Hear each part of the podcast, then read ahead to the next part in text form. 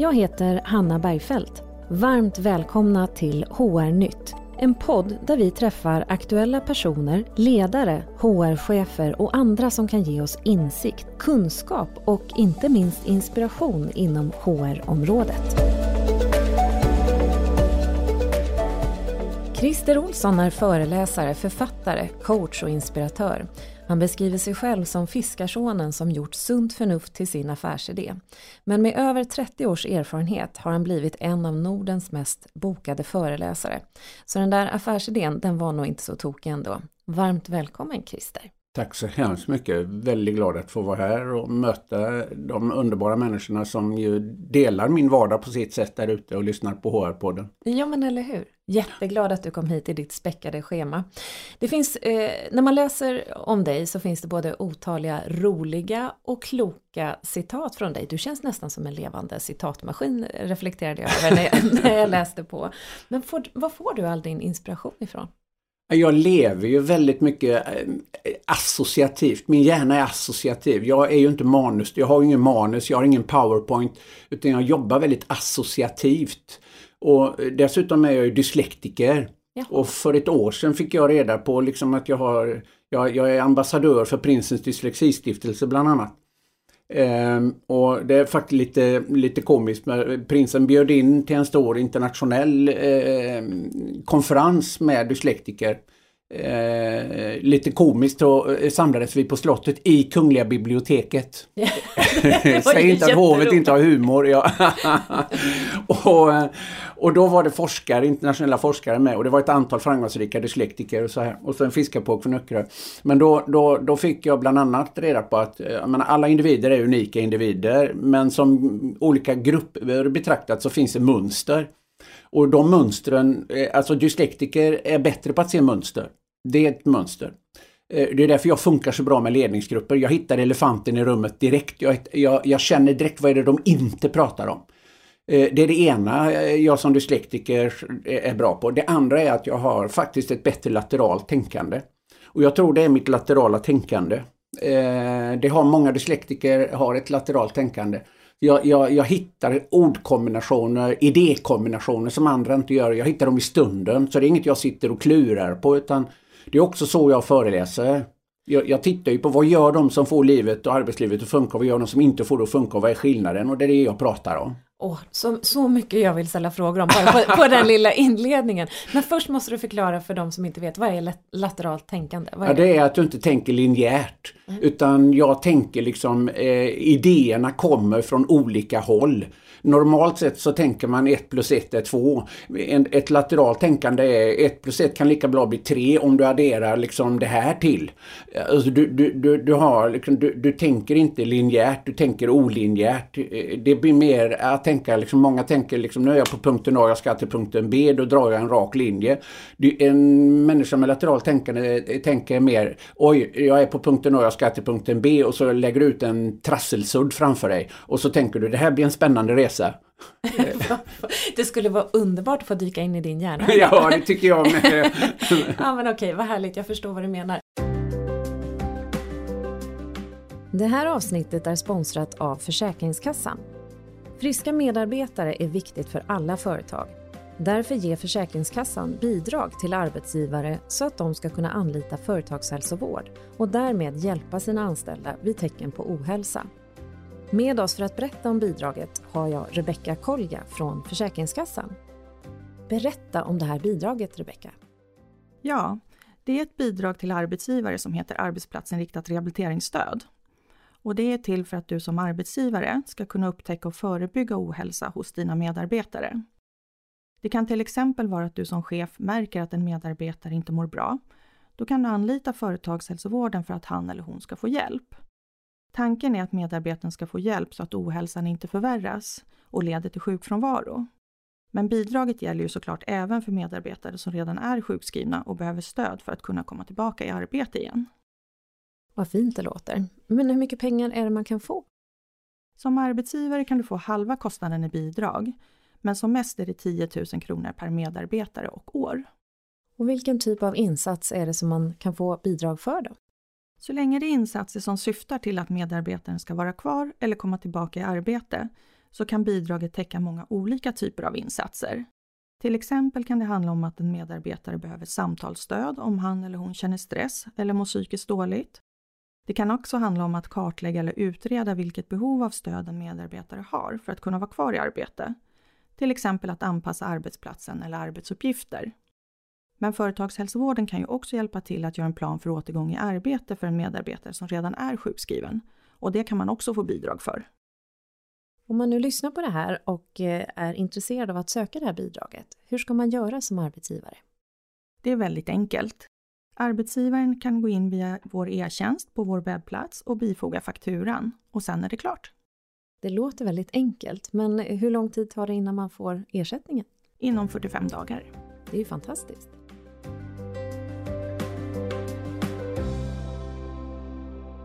Men tillbaka till det här med ledarskap då och din ledarskapsfilosofi. Hur, hur tar du dig an ledare som du möter eller som kontaktar dig? Hur jobbar du med dem?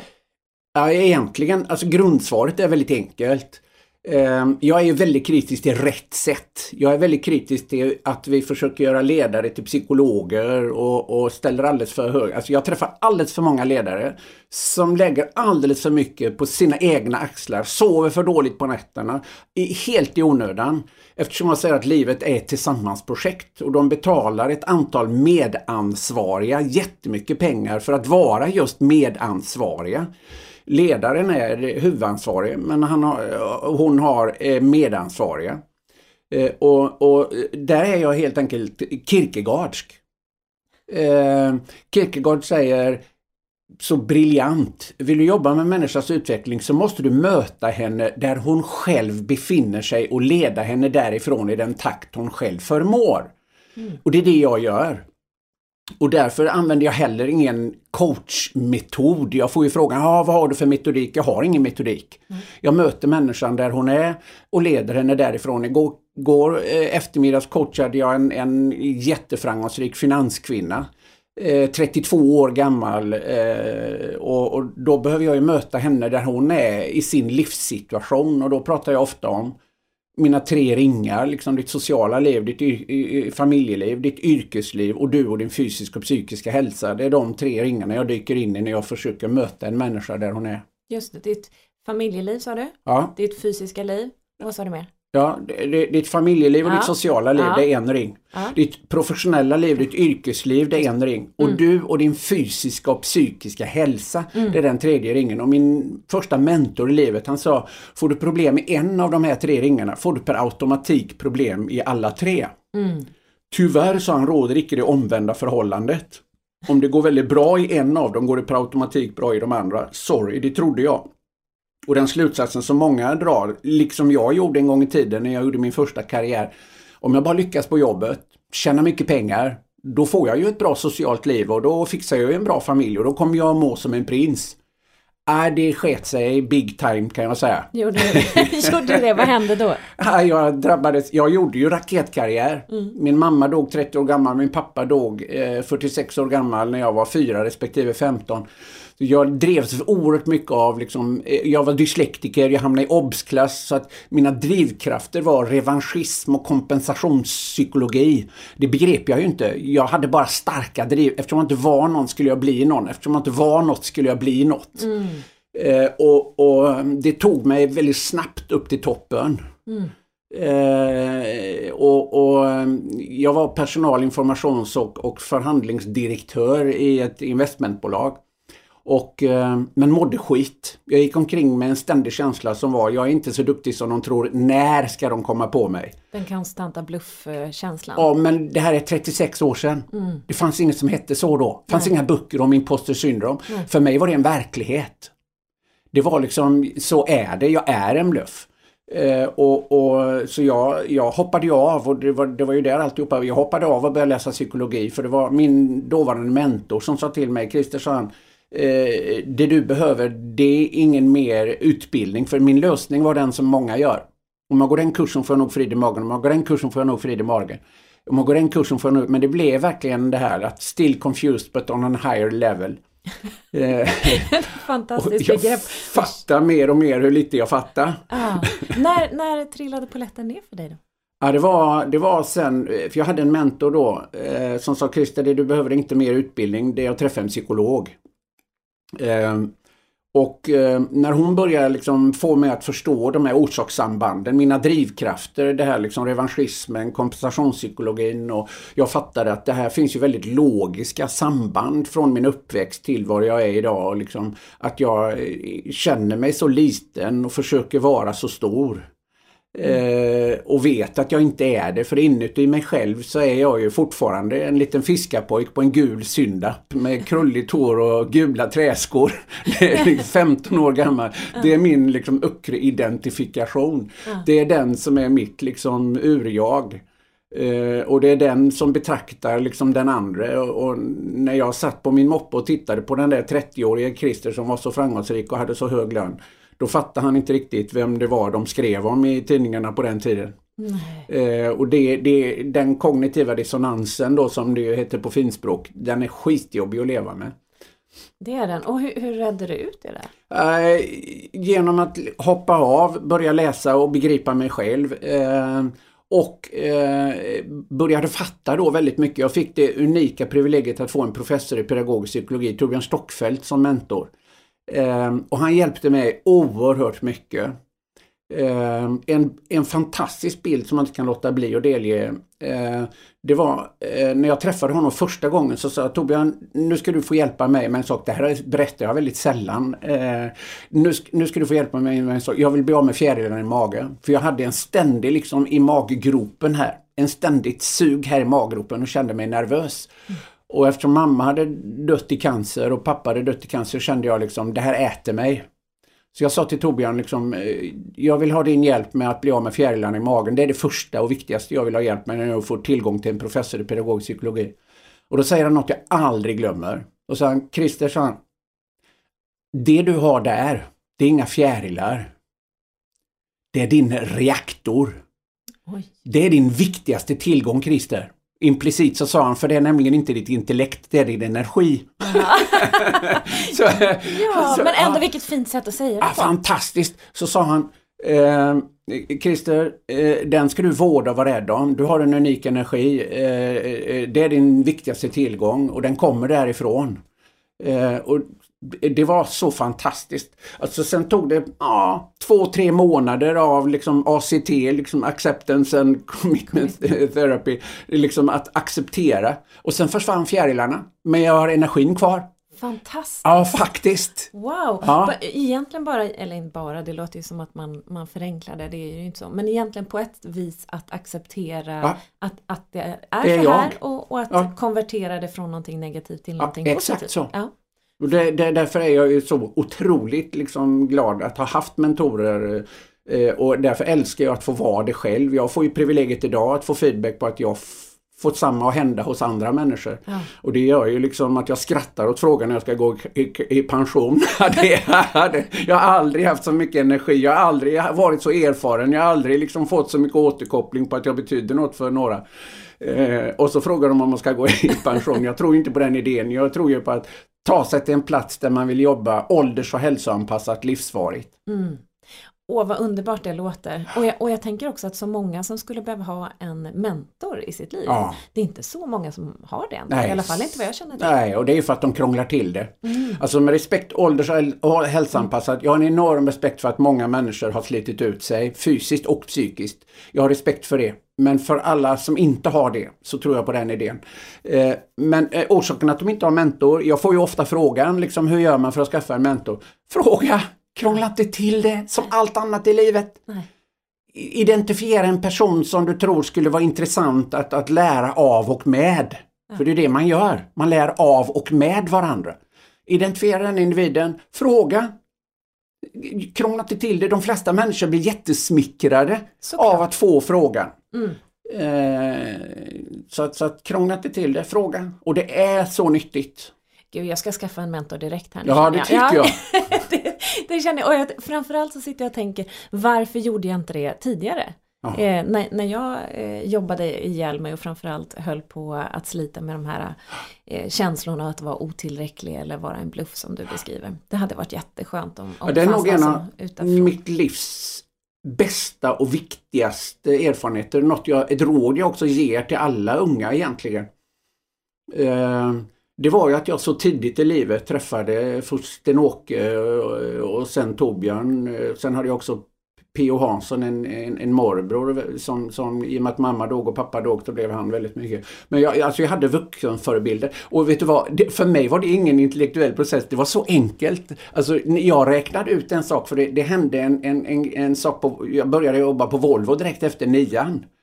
Eh, och då, det är också en ganska rolig händelse eh, eh, för att, att eh, det var där hela min utbildningsbana började. För det var det en, en äldre gentleman, en, en eh, Arne Hansson hette han. Eh, han kom fram till mig och sa jag beklagar mycket det här med din mamma och din pappa. Jag har funderat mycket på hur jag skulle kunna hjälpa dig.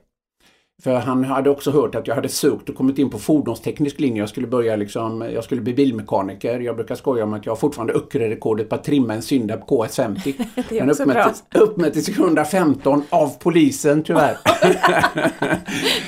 Men eh, och, och, så sa han, Christer, jag har jobbat här hela mitt liv, det kan du också göra. Men det är en sak jag ångrar, sa han. Och det är att inte jag skaffade mig en utbildning när jag var i din ålder. Det var ju synd att du inte gjorde det tyckte jag, vad skulle jag säga? Ja, sa han, det är verkligen det. Ja, men jag ska skaffa en utbildning eh, men nu behöver jag jobba för pappa hade gift om sig. Jag hade två halvbröder som var fem och sju år gamla. Eh, men jag ska göra det sen. Ja, det säger alla, sa han. Och så skaffar man kostnader och så blir man van vid att jobba och tjäna pengar och så blir det inte. Jag har sett det hända så många gånger. Christer, men jag skulle vilja att du liksom eh, skaffar en utbildning. Ja, ja, men nu, du, du, du vet ju min situation. Jag sa, men jag vet ett smart sätt för en arbetargrabb att ta sig fram här på Volvo. Jaha, okej, okay, hur då? Jo, sa han. Eh, då ska du gå med i facket. Och så ska du bli en riktigt krånglig jävel, ursäkta språket men det blir en så. Bli en riktigt krånglig jävel för så köper de över dig till arbetsledarsidan och där får du utbildning. Gud, det är helt galet. Ja, är det helt, sant? Ja, helt underbart. Eh, och så blev det. Jag ska inte ta tid till hela den storyn, den är underbar. Men, men eh, då lärde jag mig en sak. Det här är ju superintressant. Så är det ju. De äldre människorna har ju facit på livet. Och i och med att jag var dyslektiker, gick i obsklass, facit det var ju alltid sista sidorna i, i skolboken. Mm. Och där var jag och grävde. Jag sket ju i skolan. Mm. Så att min idé var väldigt enkel. Den var helt, jag visste ju inte att det fanns något som hette mentorer eller liksom coacher eller något sånt när jag var 16-17 år. Utan jag räknade helt enkelt bara ut att nej men de, de äldre människorna har ju facit på livet. Och jag gillar facit så det är klart jag ska få tillgång till facit. Så jag började prata med äldre människor och lyssna. Vad skulle du gjort i min situation? Vad skulle du göra? Vad är ditt råd? Och börja fråga människor utifrån liksom mitt facitperspektiv. De är ju sista sidan i boken. Varför? Det är klart jag ska prata med dem. Så, ja, men det är ju helt underbart. Och där tänker jag det är många arbetsgivare och, och kanske chefer HR som lyssnar nu som faktiskt skulle ta till sig det. Att, det ja, det hoppas jag att man skulle anställa lite äldre. För ja, jag har förstått, eh, förstått att det finns en del... Ja, diversify ja, är ju såklart. Det är ja. ålder, kön, etnicitet, kulturell bakgrund. Mm. Det är allt. allt. Det är klart att vi vet ju att mixade grupper är mer effektiva. Verkligen. Och framförallt om man har några som sitter på facit på ganska stora ja. delar. Det vore ju perfekt. Ja, ja. Och mixa en sån grupp. Jag tittar på mig själv. Jag, liksom, jag har aldrig fått så bra betalt för min vita hår. det är ja, det är ett kapital. ja, du får inte färga det då, Christer. Men, men, du, eh, av alla de här erfarenheterna som du har gjort och eh, din egen resa, det är ju fantastiskt spännande. Vad tar du med dig när du möter ledare? Liksom, hur använder du det i din coaching eller ledarutveckling? Jag vet ju att du gör så mycket för både chefsgrupper men individuell coaching och, och så. Ja. Hur, hur, använder du din egen erfarenhet? Genom att, eh, eh, alltså någonstans, återigen, jag har ju facit. Alltså jag har ju, nu har jag jobbat med detta i snart 35 år.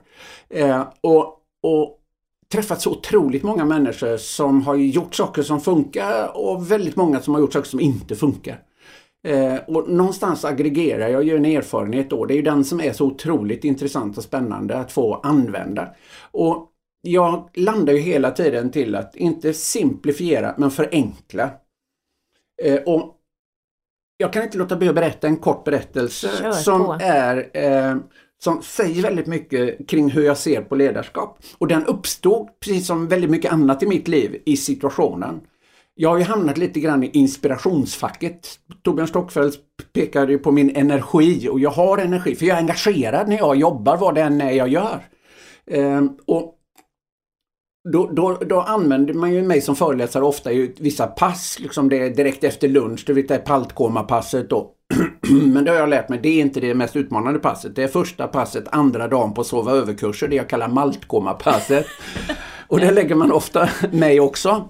Eller också sista passet, man vill gå ut med inspiration efter en, en konferens. Få med sig lite bra tankar liksom hem och så. Och gå ut med den känslan som jag eh, ärligt lyckas generera väldigt ofta. Eh, men så det här första passet, ofta så lägger man mig där då, olika konferensarrangörer och så. Nej men det är bra, vi gör en wake-up där med Christer och så startar han upp dagen. Eh, eller också liksom att, nej men han får skicka hem dem med den här känslan. Nu skulle jag ha en stor konferens i Köpenhamn, 400, en teknikkonferens, 400 personer. Jag kommer dit, eh, kommer dit på morgonen, jag skulle föreläsa 9 till 10, prata ledarskap. Kom, i, i, organisationskommittén sitter liksom i rummet, jag kommer in, ja vad bra, hej och hå. Eh, Christer, vi har en eh, liten utmaning. Okej. Okay. Eh, vi vill gärna informera er om att vi har fått väldigt mycket kritik mot att vi har lagt det ledarskapspasset. De är här eh, med teknikintresse. Det här är människor, det är här chefer och ledare från alla nordiska stora organisationer. Och de är kritiska till det här ledarpasset. De är chefer, de har gått chefsutbildningar, de har lyssnat på sådana som dig. Svenskarna vet ju vem du är, de tycker det är okej okay, men vi har fått kritik. Um, Okej, okay, tack så hemskt mycket, vad trevligt. Liksom, det är den sämsta påan, ja exakt den ja. sämsta påan jag fått i hela mitt liv. Ja. Uh, välkommen Christer, det sitter 400 personer som inte vill lyssna på dig. Uh, scenen är din. Ja, tack, tack. Uh, känn känslan. Ja, fjärilarna, de ja. uppstod nästan direkt i min mage.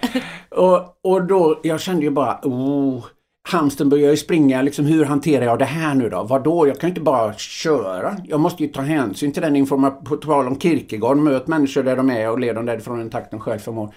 Och det är så jag gör. Jag, jag, är ju verkligen i nuet. Så jag tänkte, hur, hur i hela friden hanterar jag det här? Och under tiden jag gick upp så tänkte jag liksom att nej, jag kan, jag kan, inte, jag kan inte gå som vanligt. Jag måste göra något annat. Så jag kliver fram på scenkanten och så säger jag God morgon alla mina vänner. Om ni nu är det. För jag förstod att ni inte vill lyssna på mig. Men ärligt mina vänner, jag tar det inte personligt. Därför kallar jag er mina vänner, för ni kommer att bli det innan jag är färdig. Eh, ni känner ju inte mig. Därför kan jag inte ta det personligt. Men jag förstod att ni inte vill lyssna på en sån som mig. Och det kan jag respektera. Inte bara respektera, acceptera, jag kan tycka det är ganska klokt av er. Ni ska vara kritiska mot sådana som mig som eh, ibland åker omkring eh, och säger självklarheter som ni brukar skoja om och tar betalt för det. Ni har gått ett antal ledarutbildningar och lyssnat på sådana som mig. Så nu mina vänner tänker jag därför hålla ert livs kortaste, mest konkreta och mest adekvata ledarutbildning för er. Det enda ni behöver göra det är att gå hem. Omvandla era medarbetare till medansvariga Se till att de har tydliga mål, ett tydligt varför och känner sig sedda, bekräftade och behövda. Så, nu kan du gå och fika. oj. oj, oj. Och, och, och, det blev, och så stod jag bara tyst. Tystnad är en underskattad kommunikationsmedel, så jag stod bara tyst. Och organisationskommittén blev skitnervös. Och då, jag såg hur de började gå och prata med varandra. Va, vad gör han? Snedtända, han såg på det här liksom. Vad, vad gör han? Han, han? han har lagt av. Va, va? Alltså de blev skitnervösa. Så jag, sa, jag tittade ut i publiken. Jag kunde ju lika bra varit så att de kände sig provocerade och halva gänget gick. Men det gjorde de inte. De satt kvar. Jag sa ursäkta, ni sitter kvar. Jag menar allvar. Se bara till att människor känner sig medansvariga, har tydliga mål, är tydligt varför och känner sig sedda, bekräftade och behövda. Det gäller alla människor runt dig. Dina barn känner sig bekräftade, behövda. Eh, att, att din partner känner sig sedd, bekräftad och behövd. Så se bara till att lösa det. Det jag sa nu. Men okej, okay, ni sitter kvar. Då har jag en fråga. Då vill jag ha hand, hand upp alla som vill att jag fortsätter timman ut. Och alla i princip räckte upp handen. Och så jag pekade på kommittén och sa, ni ljuger! De vill visst lyssna. Ah. Och så hade vi en härlig timma. Gud, det låter ju helt fantastiskt. Men du, vad modig du är. Nej, jag är nog mer spontan. Ah, okay. Uh, eh, och jag, jag, jag pratar väldigt mycket om att våga vara autentisk och sårbar. Det är jag. Det är därför jag, när jag får frågan ibland, jag skulle göra en, en stor eh, konferens med offentliga chefer.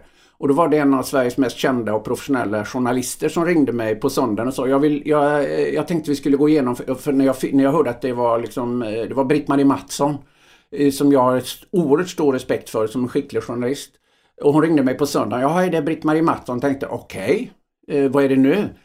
Eh, ja, jag ska vara moderator på, på, eh, på offentlig chef här. Eh, och då tänkte jag intervjua dig. Jag tänkte vi skulle gå igenom frågorna. Tack, men det vill inte jag. Nähä? Alltså, det vill alla. Eh, var förberedda, men det vill inte jag. Nähä? Okej, okay, varför det? Nej, för jag är fruktansvärt dålig skådespelare, men jag är väldigt bra på att vara mig själv. Jag kan inte låtsas att få en fråga för första gången om jag redan känner till den och redan har tänkt på den. Nej. Utan då kommer jag att säga att ja men det pratade vi ju om i söndags du och jag, då var det ju så här. Då blir det inte live. Du får ställa vilka frågor du vill. Jag är inte dugg rädd för, jag har inga liksom konstiga tankar, jag har inga krokiga tankar, det kan inte komma ut någonting. Har du inga krokiga tankar? Jag, och det är också något jag säger till ledare. Folk säger, nu vill det till att du tänker på vad du säger. Jag säger, nej det skulle du inte alls göra. Visst, det finns situationer i livet, men nej, huvudregeln är du ska inte alls tänka på vad du säger. Du ska tänka på vad du tänker. Det är ju det som är ett värdebaserat ledarskap. Ett idéburet ledarskap. Du ska tänka på vad du tänker. Sen ska du säga vad du tänker. För om du hela tiden går omkring och tänker på vad du säger och inte säger vad du tänker, då känner jag att du ljuger i någon mening. Mm. Du är politiskt korrekt. Du säger massa politiskt korrekta saker. Alltså jag brukar fråga det. När tände du till på en politiker senast? ah, ganska länge sedan. Ja. Nej, för de berör dig inte i känslan. Nej. Nej, för de har talskrivare som skriver politiskt korrekta tal. Det, det är, de brinner, vad brinner du för? Vad vill du? Och det är också det jag vill få ledare. Vad brinner du för? Vad ska vi åstadkomma? Wow, det är ju, det är ju så sant ju. Ja, du kan ju aldrig få energi om du inte liksom vill någonting. Nej. Jag ska till kriminalvården efter vi är klara här mm. och uppskattar det jättemycket att få komma dit. Där det är massa härliga människor som brinner för att hjälpa människor från en, en, en kriminal, kriminell bana som de liksom, eh, av olika skäl har, har eh, landat i. Eh, de brinner för någonting, jag älskar det. Mm. Och då kanske det handlar snarare om att hitta vad man brinner för och vad man vill förmedla av det men, inte men inte liksom fundera på exakt hur man ska säga det för att det ska bli så politiskt korrekt utan ja. då vara sig själv och autentisk ja, ja. som du säger. Ja. Och då, då, är du inne på, på, på, på också min, du, du ställer frågan vad är, liksom, vad, vad är min ledarskapsidé? Jag, jag jobbar oerhört mycket med 3P. Mm. Ledarskapets 3P. Så, och, och, och ledarskapets 3P för mig är väldigt, eh, återigen enkelt. Eh, jag brukar säga att när vi pratar ledarskap så är det alldeles för många som krånglar till alldeles för mycket alldeles i onödan.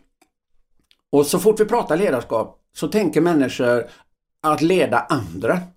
Eh, eller att leda andra som leder andra och så vidare. Det är inte den stora utmaningen. Nio av tio som jag jobbar med, deras största utmaning, det är inte att leda andra, det är att leda sig själv. Mm. Det är mitt första P. Mm. Jag leder mig. Mm. Vad står P för?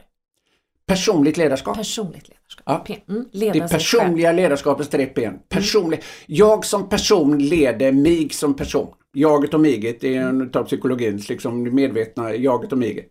Eh, jag leder mig, det är det första P.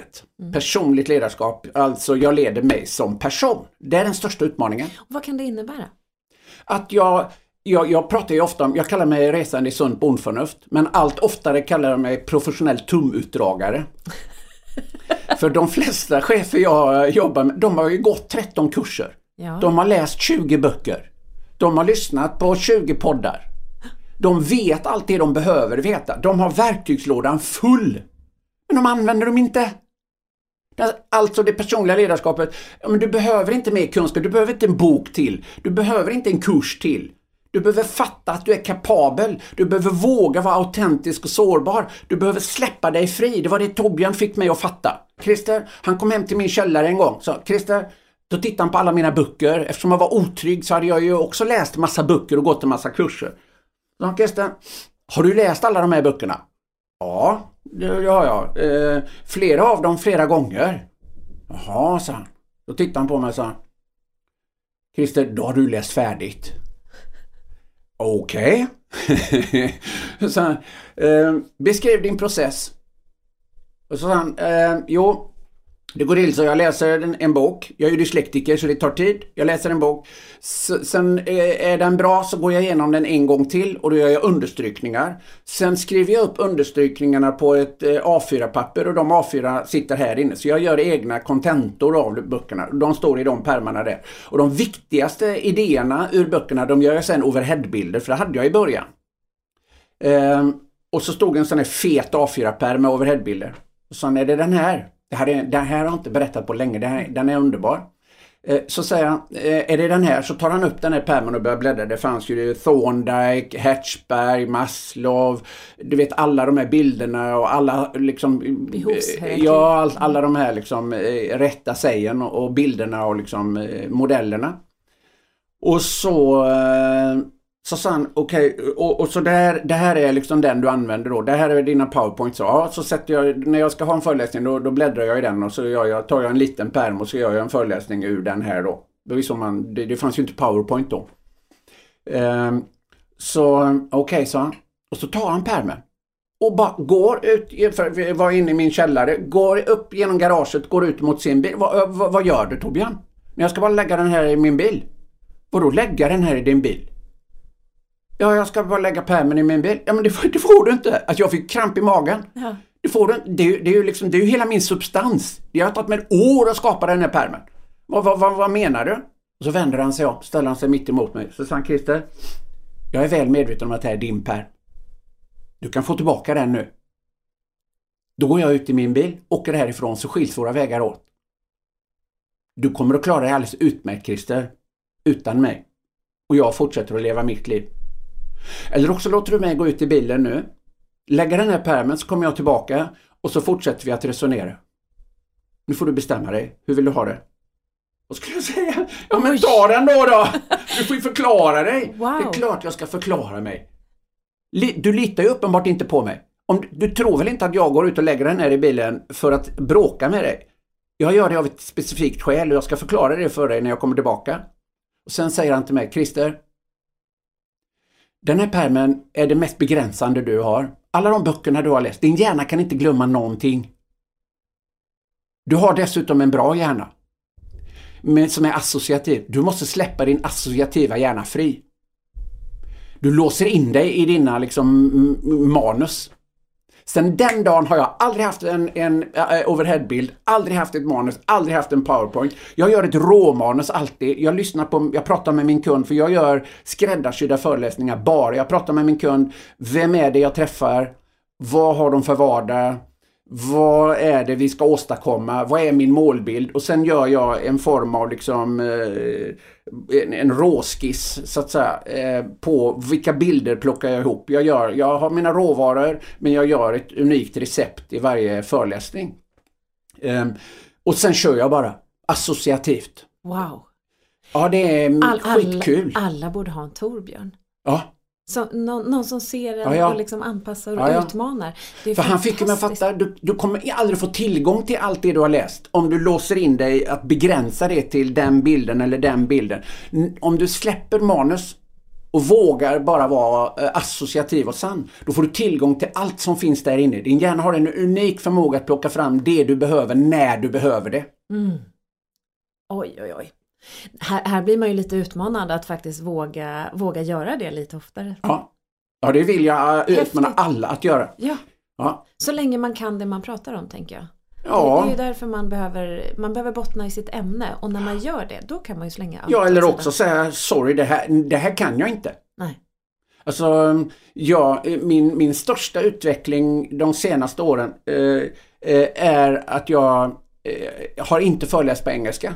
Jag kan inte låta jag ska berätta den. Ja, vi ska ja, bara ta de andra ja, två pena först. Ja, ta de andra två pena, så, så håller vi en notering om det där på engelska. Den ordningsamma lyssnaren kommer att notera. Vänta ett tag nu, nu pratar han om ett P. Okej, okay, vi, vi börjar med det första P. Det handlar om att leda jag sig leder själv. Mig. Jag leder mig. Det är, ja. det är självledarskap. Mm. Och andra P. Och jag, då, om jag leder mig själv, jag är mm. trygg i mina värderingar. Mm. Jag är trygg i min människosyn oavsett vilka variabler vi pratar om. Hälsotillstånd, etnicitet, kön och annat. Jag är trygg i mig själv och mina värderingar.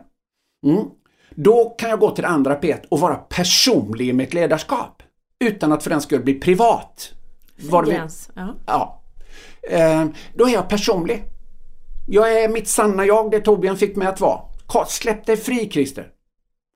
Eh, och var ditt sanna jag. Dessutom leder ju det till att där jag funkar, där skapar vi remarkabla resultat. Där jag inte funkar, där är jag inte. Hur svårt kan det vara? Nej, det låter ju så enkelt när du säger det. Ja, ja. men det är enkelt om vi inte ja. krånglar till. Jag försöker inte trockla in mig. Torbjörn sa en gång, Christer, om du är en fyrkantig pinne, leta efter fyrkantiga hål. Det är jobbigt att, att, att putta in en fyrkantig pinne i ett runt hål och det blir sticksigt. Ja. Jag kommer ihåg den metaforen. Ja. Är du en rund pinne, leta efter runda hål. Är du en fyrkantig pinne, leta efter fyrkantiga hål. Alltså är du en Excel-människa, det är inget fel på det. Nej. Eh, möt andra som värdesätter det. Är du inte det, möt andra som värdesätter det. Så att, att vi är inte, människor är inte bra eller dåliga, vi är bara olika. Mm. Och olika människor kan lyckas med samma sak på olika sätt. Eh, och det är också en grundsyn jag har. Därför säger inte, ingen, de får aldrig säga att jag är bra eller dålig. Är hon bra? Ja, hon är jättebra på att vara sig. Och jag är bra på att vara mig. Men jag gillar inte att jämföra och mäta. Nej. Eh, därför vill jag aldrig påas med han är bäst eller han är si eller nu har jag råkat välja årets föreläsare men kan jag inte hjälpa, det är ett val. Men när de påar mig senast igår uppe i Sandviken så får de säga att jag är en av de mest bokade. Det, kan jag liksom, det behöver inte nödvändigt innebära någonting för det är jag ju, det är ett faktum. Men mm. bra är en subjektiv åsikt. Det finns alltid människor i publiken som tycker jag är för mycket eller för energisk eller jag är motoriskt orolig och viftar och så här. Eh, och för dem är jag ju inte bra då.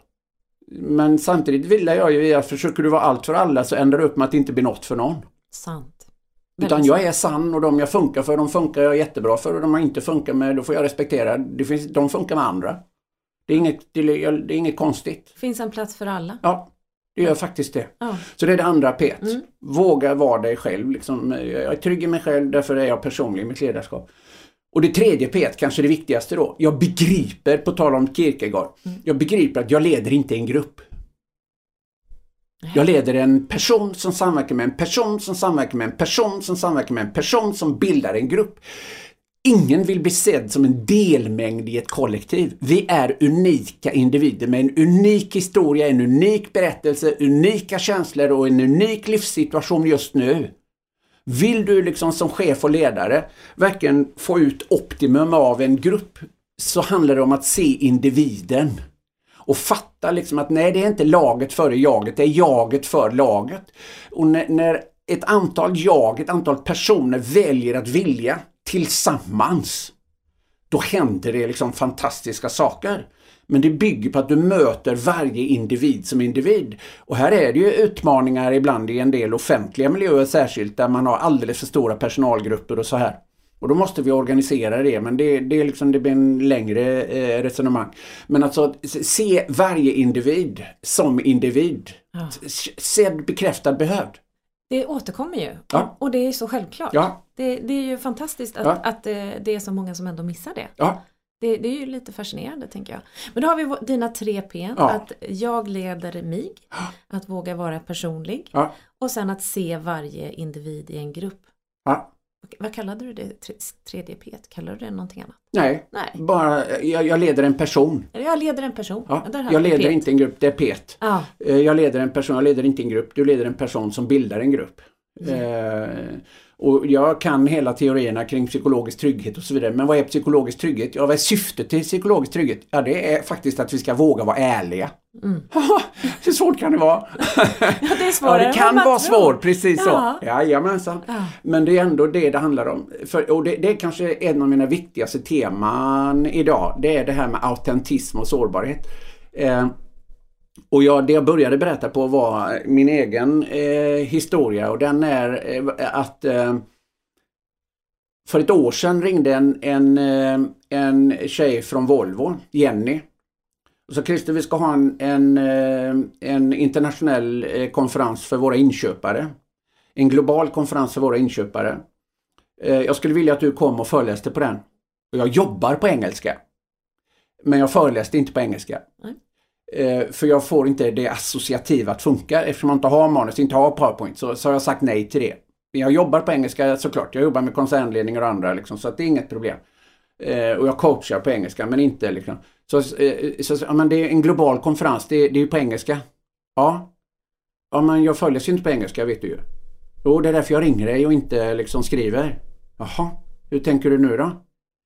Eh, jo, sen Christer, jag har kommit på en sak. Jaha. Du är faktiskt inte trovärdig.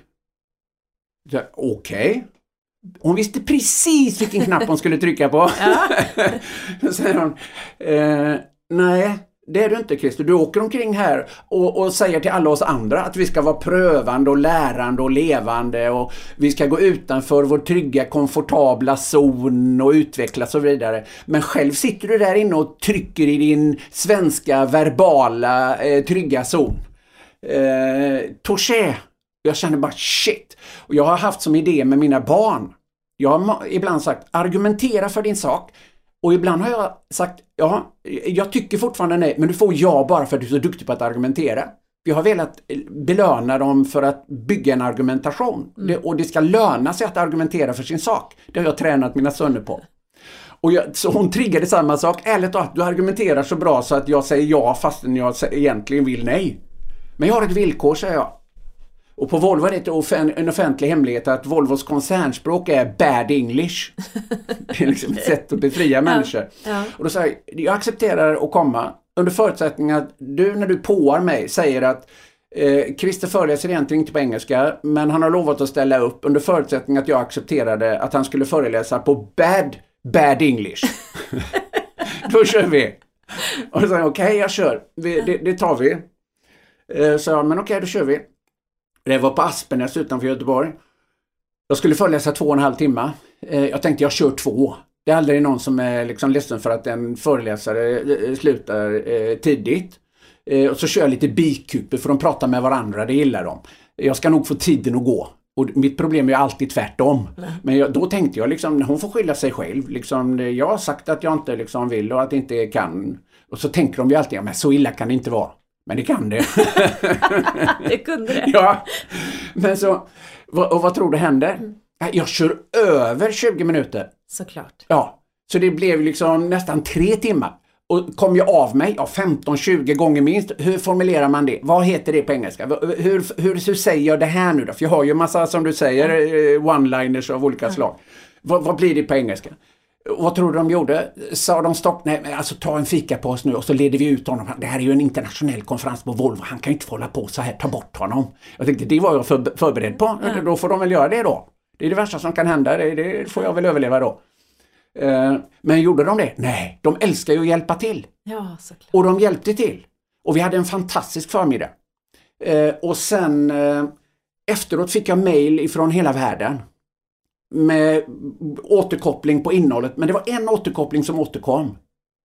Eh, och Det var just att eh, Christer, du har påverkat resten av mitt liv. Christer, det här är en föreläsning som har påverkat mest av alla föreläsningar jag har varit på. Christer, du har förändrat min, min arbetssituation för resten av livet.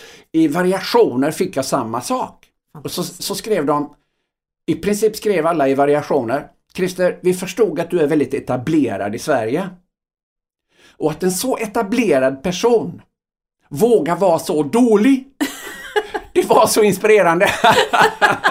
så, så jag, jag bara, det här är den bästa återkopplingen jag fått i hela mitt liv. Ja. så då insåg jag, men vänta ett tag nu. Det här är ju superintressant.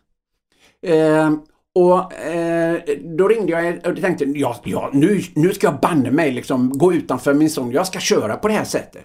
Nu ska jag vara ärlig. Ja, jag ställer upp på engelska men det är bad bad English så kör vi. Så jag eh, ringde Volvo Global Real Estate som också hade frågat och de hade fått nej eh, för de hade ingen knapp att trycka på. Men sa att okej, okay, jag är beredd att köra men det är bad English. Ja, men det kör vi.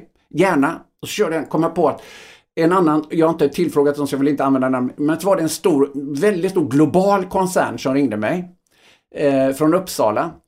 Eh, och eh, säger Christer, kan du tänka dig att komma till Uppsala och föreläsa på engelska? Och där har jag också sagt nej. Men nu sa jag att okej, okay, eh, det är så här, jag har fått feedback och jag är beredd att komma men det är bad bad English. Inga problem, välkommen, kom. Så jag åker dit och kör. Vad händer? Där sitter en engelsman. Så kommer han fram efteråt och säger Mr Olsson, this was brilliant. Nej, jo, då visade det sig vara, det här är ett globalt, jättestort globalt företag, då visade det sig vara Europachefen för alltihopa. Så Mr Olsson, kan du tänka dig att komma till Amsterdam och ha en föreläsning för min Europaorganisation? Och då kände jag bara bring them on. Men på bad bad English. Yes! så nu i juni ska jag till eh, Amsterdam och en stor Europa och den kommer ju att ta mig till USA ut i världen. Tänk att jag var 66 år innan jag vågade vara sårbar också på engelska. Wow. Och nu är jag sårbar och nu kör jag. Och vet du vad som hände? Jo, i onsdags. Vem hade jag då tror du? Volvos globala inköp igen. Nej. Den enda sanna återkopplingen är att få komma tillbaka. Nu hade jag den gruppen och nu berättade jag naturligtvis för dem att de har förändrat mitt liv. Nu hade jag dem igen på Arken utanför Göteborg. Hela den gängen eh, på engelska tre och en halv timme. Hade en underbar förmiddag. Och nu har jag gjort ett antal engelska föreläsningar med olika bolag. På Bad English. På och jag Bad. är fri. Vad skönt! Och de hjälper mig. Grattis. Livet är ett tillsammansprojekt. Ja, men jag, förs- jag förstår och det låter ju så enkelt när du säger det men, men, men blir du aldrig så där liten och liksom bara vill krypa under ett skal så där som, som i alla fall jag kan Ja, känna? det är väl i så fall min konstanta vara. Ja, okej. Ja. Det är ju därför jag säger att livet är ett tillsammansprojekt. Det. Jag känner mig konstant liten och enkel. Jag är verkligen en fiskar på resande i sunt förnuft. Det är så jag känner mig. Och jag är helt beroende av andra människor. Jag har skrivit fem böcker, nu har jag skrivit sex böcker. Min fru dog i en olycka tragiskt för ett och ett halvt år sedan. Eh, Helt plötsligt bara. Eh, Ja, det var väldigt tragiskt. Hon fick en liten stroke när hon skulle gå ner för trappan på morgonen och, och, och eh, flyga till Stockholm för att möta mig som skulle komma från Oslo och vi skulle träffa vårt femte barnbarn som hade fötts på fredagen, det var på en tisdag. Eh, och allt, alla de tankarna, eh, hon föll så olyckligt i trappan att hon avled omedelbart. Alla de tankarna har lett mig till liksom nu ett antal nya slutsatser och erfarenheter och så vidare. Eh, och de har jag skrivit en ny bok eh, om nu som jag faktiskt fått eh, designen på nu i, som jag ska titta med i helgen. Eh, så att den börjar bli färdig, den kommer ut i höst hoppas jag. Om det är något förlag som vill ge ut den. För Det den lär det ju vara. Vad, vad har du satt titeln på det? Ja, jag, vet du vad? Ifrån början hette faktiskt titeln lite brutalt bohuslänskt. På bohuslänska kyrkogårdar finns ju en inskription som säger Tänk på döden. Mm. Och eh, min idé var helt enkelt Tänk på döden och börja lev livet mer levande. Eh, det var min första idé men då, då har folk sagt nej den blir för brutal, den kommer inte folk att gilla. Eh, många vågar inte prata om döden, nej men det är det som är problemet säger jag. Det kanske Det är precis med- det man måste. Exakt, det är, först, det är så med väldigt många människor, de börjar inte leva förrän de begriper att de ska dö. Och för många är det lite sent, brukar jag säga. Så min uppmaning är ju lev livet levande. Eh, men nu heter boken eh, Bron mellan två liv. Det var fint. Ja, det är så jag känner. Ja. Eh, för jag hade ju ett gammalt liv med Karina och nu får jag bygga ett nytt liv. Och jag är på väg över bron till ett nytt liv. Jag har mina barn, jag har mina barnbarn. Jag pratar ju mycket om att lycka är inte en tillfällighet utan en färdighet som utgår från förmågan att se det du har och inte det du inte har. Eh, och, och, men jag, jag kommer aldrig att få tillbaka det livet jag hade med Karina. Utan jag behöver bygga ett nytt liv. I vilket mycket av mina gamla komponenter ingår. Därav bron mellan två liv. Men jag behöver också fatta att jag behöver leva ett nytt liv. På, med, med nya förutsättningar. Det är ju det som är förändringsledarskap. Att nej, den gamla tiden finns inte. Nu är det AI som påverkar våran vardag och hur kommer den på? Det är ett nytt liv. Det, det är ingen idé att du sitter och liksom kämpar och håller kvar det gamla. Utan jag är på väg över bron eh, till mitt nya liv. Men det kommer alltid att finnas, bron finns på väg tillbaka. Jag kommer att gå tillbaka till mitt gamla liv och hämta i, i minnen och allt vitt som jag tänker på om Karina. Eh, Så, och hur skriver jag böcker? Jo, tillsammans, mm, i det här fallet med Fredrik Gerlof. Kristina hjälper mig med min ekonomi. Gabriella hjälper mig med mina sociala medier. Mina söner hjälper mig med teknik och, och, och, och annat. Och min, min yngsta son hjälper mig också med sociala medier. Alltså, jag är helt beroende av andra människor. Så den där lilla Christer, han vaknar varje morgon kan jag tala om för dig. Han gör men, det, trots Ja, men han litar på att livet är ett tillsammansprojekt. Ja. Och är lite modigare än i alla fall de flesta av oss tror jag som vågar ställa sig där i alla fall. Ja, jag tror också det har faktiskt att göra med min tillit från grunden. För att när mamma dog eh, då fick jag så mycket kärlek liksom eh, från grannar och jag tror att jag är uppväxt ju, på Öckerö då, ett litet samhälle. Ja, men är det inte en väldigt kontrollerande miljö? Är det inte mycket skitsnack? Ja, jag väljer att se allt det som är bra. Eh, det finns mycket kärlek, många som bryr sig. När jag var 15 och pappa dog, ja, då var det många som sa, och då drack jag ganska mycket, körde moppe, tillhörde de tuffa grabbarna, gick i obsklass och det här. Och då fanns det ju män som sa, det här skulle Leif aldrig acceptera. Alltså de tog ju tuff kärlek. Mm. Hade de inte tagit tag i mig då utan ja det är synd om honom och det är, vi förstår ju att han är där ute och slirar. Där fick jag ju lära mig liksom att människor brydde sig om mig. Människor vill mig väl. Jag vilar i att människor vill mig väl. Jag vet att det finns psykopater och narcissister var hundrade, men det är inte dem jag vänder mig till. Jag vänder mig till de 99. När du är sårbar så väcker du andras empati och när du väcker andras empati så hjälper de dig. Mm. Och jag vilar i det. Så fint Christer, jag tycker det ska vara slutord. Ja, tack. jag, jag, tycker det, jag, jag satt och funderade för vi brukar prata om det med misstag och så. Jag tycker vi skippar det för du, du har ju bjudit på så himla mycket i, i din berättelse om, om dig själv och den resa du har gjort och nu sist men inte minst om den här nya resan som jag ser framför mig att du ska göra både i kanske bron från det liv du har levt till in till det nya som kanske också blir eh, en internationell ja, eh, det, scen. Ja, det blir det definitivt. Det är fantastiskt. ja, det är jättekul. Vad roligt att du kom hit och tu tusen, tusen tack för att du delade med dig så frikostigt. Tack så hemskt mycket. Jag uppskattar väldigt mycket att vara här eftersom jag älskar alla mina härliga HR-kollegor. Eh, humankapitalförvaltare som det hette en gång i tiden. Personalman har det också hetat. Ja. Jag tror att de älskar dig också. Tack Christer. Tack.